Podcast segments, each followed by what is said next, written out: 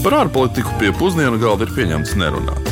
Ja vien tās nav diplomātiskās pusdienas.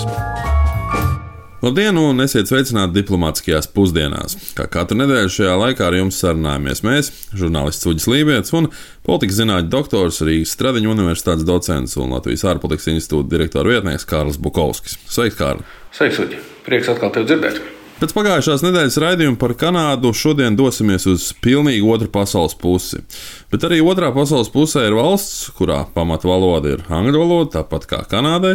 Valsts galvas funkcijas arī pilda Lielbritānijas karaliene Elizabete II. Un proti, šoreiz dodamies uz Jaunzēlandi. Jā, dosimies pusdienot uz Jaunzēlandi, kas līdzīgi kā Kanāda ietilps nācijas sadraudzībā, nu, vai angliski būtu Commonwealth of Nations vai British Commonwealth, kas ir brīvprātīgi un no 54 pasaules valstīm sastāvoša neatkarīga valstu savienība, lielāko daļu no kurām vieno tas, ka tās ir bijušās uh, Lielbritānijas impērijas sastāvā. Un um, Elizabete II valsts galva, starp citu, ir 16 no šīm valstīm. Nu, reālā politiskā vara gan karalienē Jaunzēlandē nav, bet nu, šis skaidri parāda vēsturisko mantojumu, kad Britu impērijai vēl pirms uh, simts gadiem, tieši 1920. gadā, Britu impērija tajā brīdī kontrolēja 24% no zemeslodes sauszemes. Bet to, ko Latvijas iedzīvotāji mūsu raidījuma klausītāji zina par Jaunzēlandi, mēs mēģinājām noskaidrot telefona intervijās. Es par Jaunzēlandi zinu tikai to, ka tā ir sala pie Austrālijas. Ja man būtu jāapraksta trīs vārdos, tad es teiktu, ka tik skaisti, ka neaprakstīta. Mainīgi laika apstākļi, kas nozīmē, ka 15 minūšu laikā tev var nākties no vasaras drēbēm iekāpt ziemas apģērbā, jo vienkārši pēkšņi ir samainījušies vēji un viss pārējais. Un, kā saka Jaunzēlandē, laika prognozes ir domāts pesimistiem. Un uh, treškārt, ja mēs runājam par trīs vārdiem, dārgi un ļoti dārgi. Nu, spriežot pēc redzētajām video un bildēm, ir ļoti daudzveidīga un skaista, ļoti skaista daba. No citas sfēras pēdējos gados Jaunzēlandes premjera pārdēļ ir kļuvusi par jauno zvaigzni globālajā politikā, piemēram, ar savu labklājības budžeta filozofiju. Nu, un, protams, ka regbijs, bez kura Jaunzēlande nav iedomājama. Par Jaunzēlandi zinu to, ka tā ir kalnaina sala netālu no Austrālijas ar aktīviem vulkāniem. Un to, ka iedzīvotāji pamatā nodarbojas ar lopkopību, audzē aitas un lielopus. Man tā vispirms asociējas ar tādu varenu, mežonīgu dabu, zemestrīcēm, vulkānu izvirdumiem, tad ar pamatiedzīvotājiem Mauriem. Jaunzēlandes regbija izlasi All Blacks un viņu izpildīto Mauru staidēju Haku. Tad, protams, arī ar viņu premjerministri Jacindu Ardernu, kas ļoti spēja vienot valstī tādos ļoti dramatiskos brīžos. Nu, man gribētos teikt, ka klausītāju viedokļi ir interesanti un pat ļoti korekti. Es gan, protams, biju cerējis, ka kāds pieminēs arī Jaunzēlandē filmēto Gredzena pavēlnieku triloģiju un arī tam sekojošo turismu būmu, bet nekā. Jā, šī ar Jaunzēlandes skatiem bagātā filma tiešām ir iemesls milzīgam turistu pieplūdumam valstī. Un aptuveni 6% no visiem turistiem Gredzena pavēlnieku min kā vienu no galvenajiem iemesliem, lai apmeklētu Jaunzēlandi. Bet runājot par pašu salu valsti, tās pamatiedzīvotāji Maori tajā sāk ierasties tikai 13. gadsimtā. Nu, tas sanāk ap laiku, kad Latvijas teritorijā vēl turpinājās vācu krustnešu kara gājieni un cīņa pret tiem. Un Jaunzēlanda 19. gadsimta 40. gados tika iekļauta Britu impērijas sastāvā. Par valsts neatkarības dienu gan vēl notiek diskusijas, bet principā likumdošanas neatkarību no apvienotās karalistes Jaunzēlanda ieguva 1947. gadā. Nu, lai arī, kā minējām, Elizabete II vēl joprojām ir valsts galva, un to Jaunzēlandē pārstāv ģenerālgubernatore Lēdija Patricija Līja. Bet faktiskā vara pieder klausītāji arī jau pieminētajai premjerministrei Jasindai Ārdenai, par kuru mēs arī detalizētāk runāsim raidījuma turpinājumā.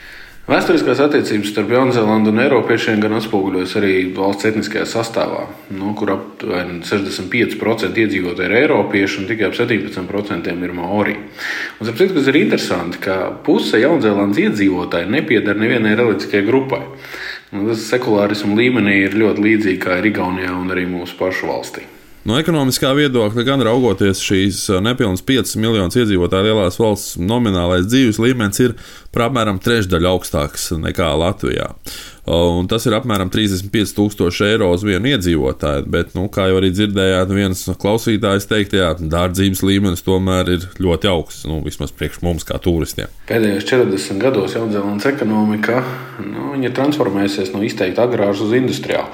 Vienlaicīgi gan valsts galvenie eksporta produkti joprojām ir tie paši lauksaimnieciskie, konkrētāk piena produkti un gaļa arī koku materiāli, augļi, nafta un, starp citu, arī daudziem zināmais Jaunzēlandes vīns ir starp galvenajiem eksporta produktiem.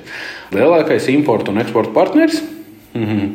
Blakus esošā kaimiņu valsts Austrālija ir tikai otrajā vietā, jo pirmajā vietā ir Ķīnas Tautas Republika. Nu, ne tikai valsts ārējā tirzniecībā, bet Jaunzēlandes ārpolitikā kopumā abas šīs valstis, gan Ķīna, gan Austrālija, spēlē ļoti nozīmīgu lomu. Un Jaunzēlande, kā Katra maza valsts cenšas koncentrēties galvenokārt jau tikai uz saviem tuvākajiem ārpolitiskiem jautājumiem. Un Nu, iespējams, ka tāpēc tradicionāli tā ir bijusi mazāk dzirdama starptautiskajā vidē un vairāk tiekusies atgādināt par um, cilvēktiesību jautājumu nozīmīgumu. Jā, nu valsts ārpolitikā dominē, protams, labas attiecības ar kaimiņu valstu Austrāliju. Tostarp arī tas fakts, ka Jaunzēlanda sevi skaidri definē kā piederošu rietumu pasaulē, rietumu civilizācijai. Un, protams, ka starp aktīvākajiem un nozīmīgākajiem Jaunzēlandes ārpolitikas jautājumiem, kas šobrīd ir jārisina, ir mēģinājumi balansēt eh, Ķīnas augošo eh, ietekmi un klātbūtni okeānijā. Um, valsts ārpolitika tādā veidā arī transformēsies, ka nu, viņi kļuvusi daudz balansējošāka, apzinoties, ka Ķīna ir kā drošības drauds un vienlaicīgi cenšoties arī saglabāt jau iepriekš minētās tirdzniecības saiknes.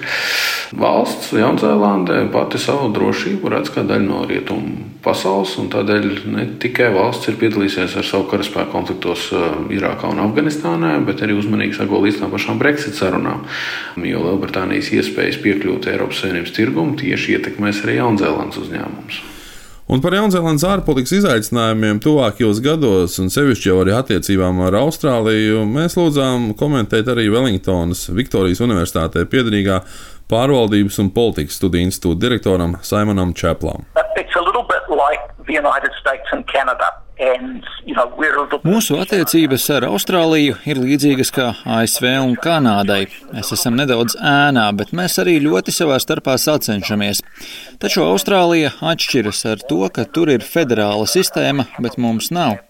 Viņiem ir divas parlamenta palātas, mums viena. Tāpēc situācijās, kad nākas saskarties piemēram ar covid-19, mēs varam reaģēt nedaudz ātrāk un spējam koordinēt lietas nedaudz labāk nekā Austrālijā. Un tas arī viss. Runājot par ārpolitikas izaicinājumiem, tie ir tādi paši kā pārējai pasaulē. Mums visiem ir grūtības tikt galā ar ASV un Donaldu Trumpu, kā arī ar aizvien pārliecinātāko un strauji savu ietekmi vērojošo Ķīnu. Jaunzēlandē Ķīnas radītie izaicinājumi ir ļoti sarežģīti, jo Ķīna ir lielākais tirzniecības partneris. Mums ir arī ievērojama ķīniešu imigrantu kopiena, kuru Ķīnas valdība ļoti aizrautīgi vēlas kontrolēt, lai arī viņi jau ir jaunzēlandieši. Ķīna ir arī strauji paplašinājusi savu ietekmi klusā okeāna dienvidaustrumu daļā, kas vienmēr ir bijusi Jaunzēlandes interešu zonā. Tāpat Ķīna aizvien palielina savu interesi arī par Antarktīdu, kas arī ir Jaunzēlandes interešu sfērā, jo mēs esam bāzes punkts ceļā uz Antarktīdu. Arī iekšpolitikā izaicinājumi ir tādi paši kā daudziem citiem kā tikt galā ar Covid krīzes radīto ekonomisko lejupslīdi. Jaunzēlandē īpaši lieli zaudējumi ir radušies no ārvalstu turistu trūkuma. Ja tagad pie mums viesojas vien daži simti cilvēku, tad parasti tie ir vairāk nekā 5 miljoni turistu gadā, un ar to mums nāksies tikt galā.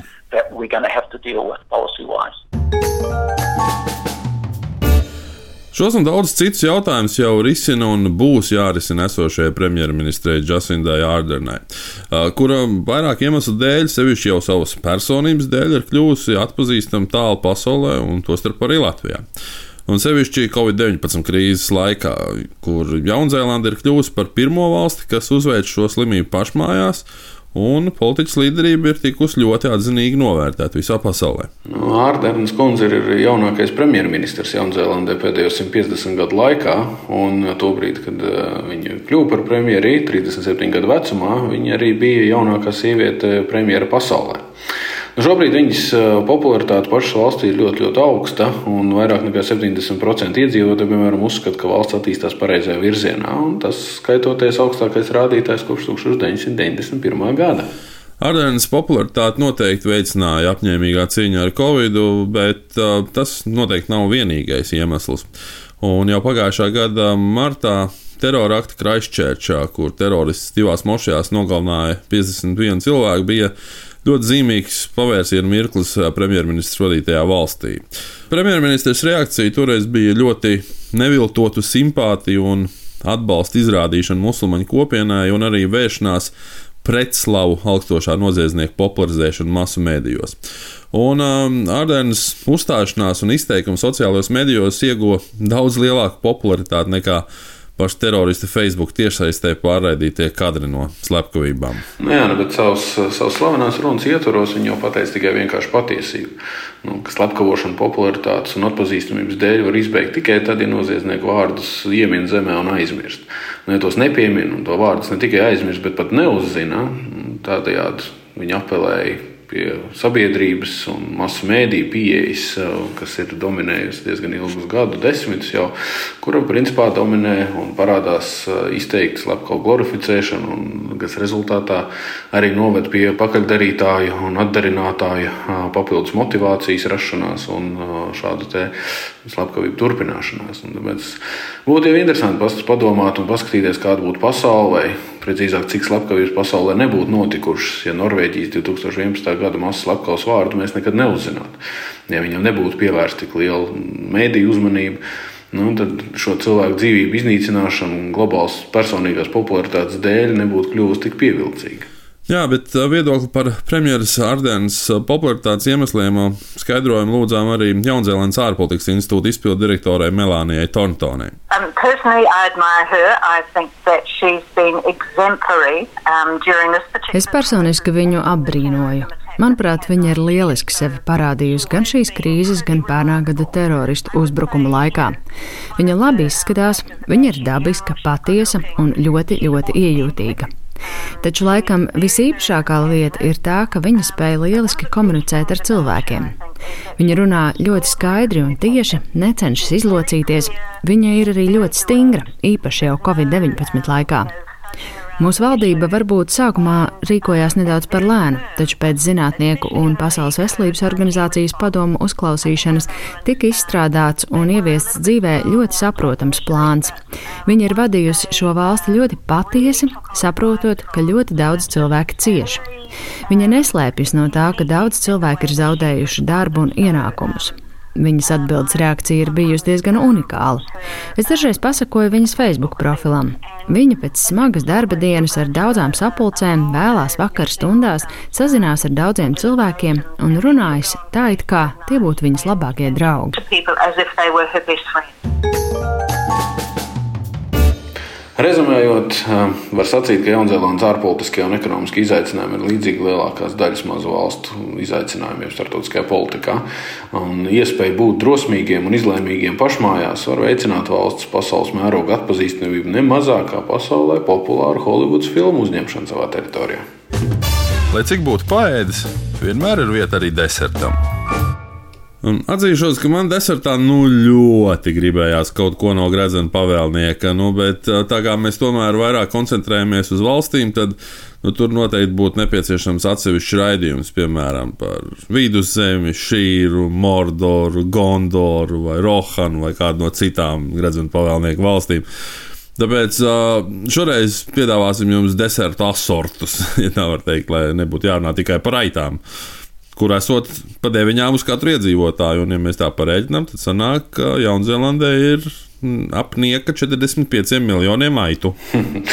Arī automašīnas Jaunzēlandē ir vairāk nekā parastā daudzumā. Jo nu, valstī uz tiem 5 miljoniem iedzīvotāju ir apmēram 4 miljoni automašīnu. Nu, mēs zinām arī par Jaunzēlandi un Regbiju, bet uh, proporcionāli Jaunzēlandē tiek uzskatīts, ka ir arī lielākais skaits golfa laukumu. Tie ir apmēram 400. Un, Tas ir pārbaudīts, ka spēlēt ainaviskās vietās pilnīgi noteikti ir ļoti patīkami. Par uh, ainaviskām vietām runājot, un nedaudz par citām gan ainaviskajām vietām. Uh, Jaunzēlandietis Sērs Edmunds Hilarijs uh, kopā ar Šerpu bija pirmais cilvēks, kurš 1953. gadā uzkāpa Everestā. Un tad par kalniem runājot, lielākais vulkāniskais izvirdums pēdējos 70 tūkstošos gadu arī, starp citu, ir noticis tieši Jaunzēlandē. Un tā mēs varētu turpināt un turpināt, bet mūsu raidījums ir pietuvojies izskaņai. Nākamnedēļ mēs jau dosimies uz citu vizuāli gleznainu valsti, tepat pie mums, Ziemeļā Eiropā. Šoreiz uz Īslandi. Uz atdzirdēšanos! Lai izdodas! Diplomātiskās pusdienas katru otrdienu pusdienos Latvijas Radio 1.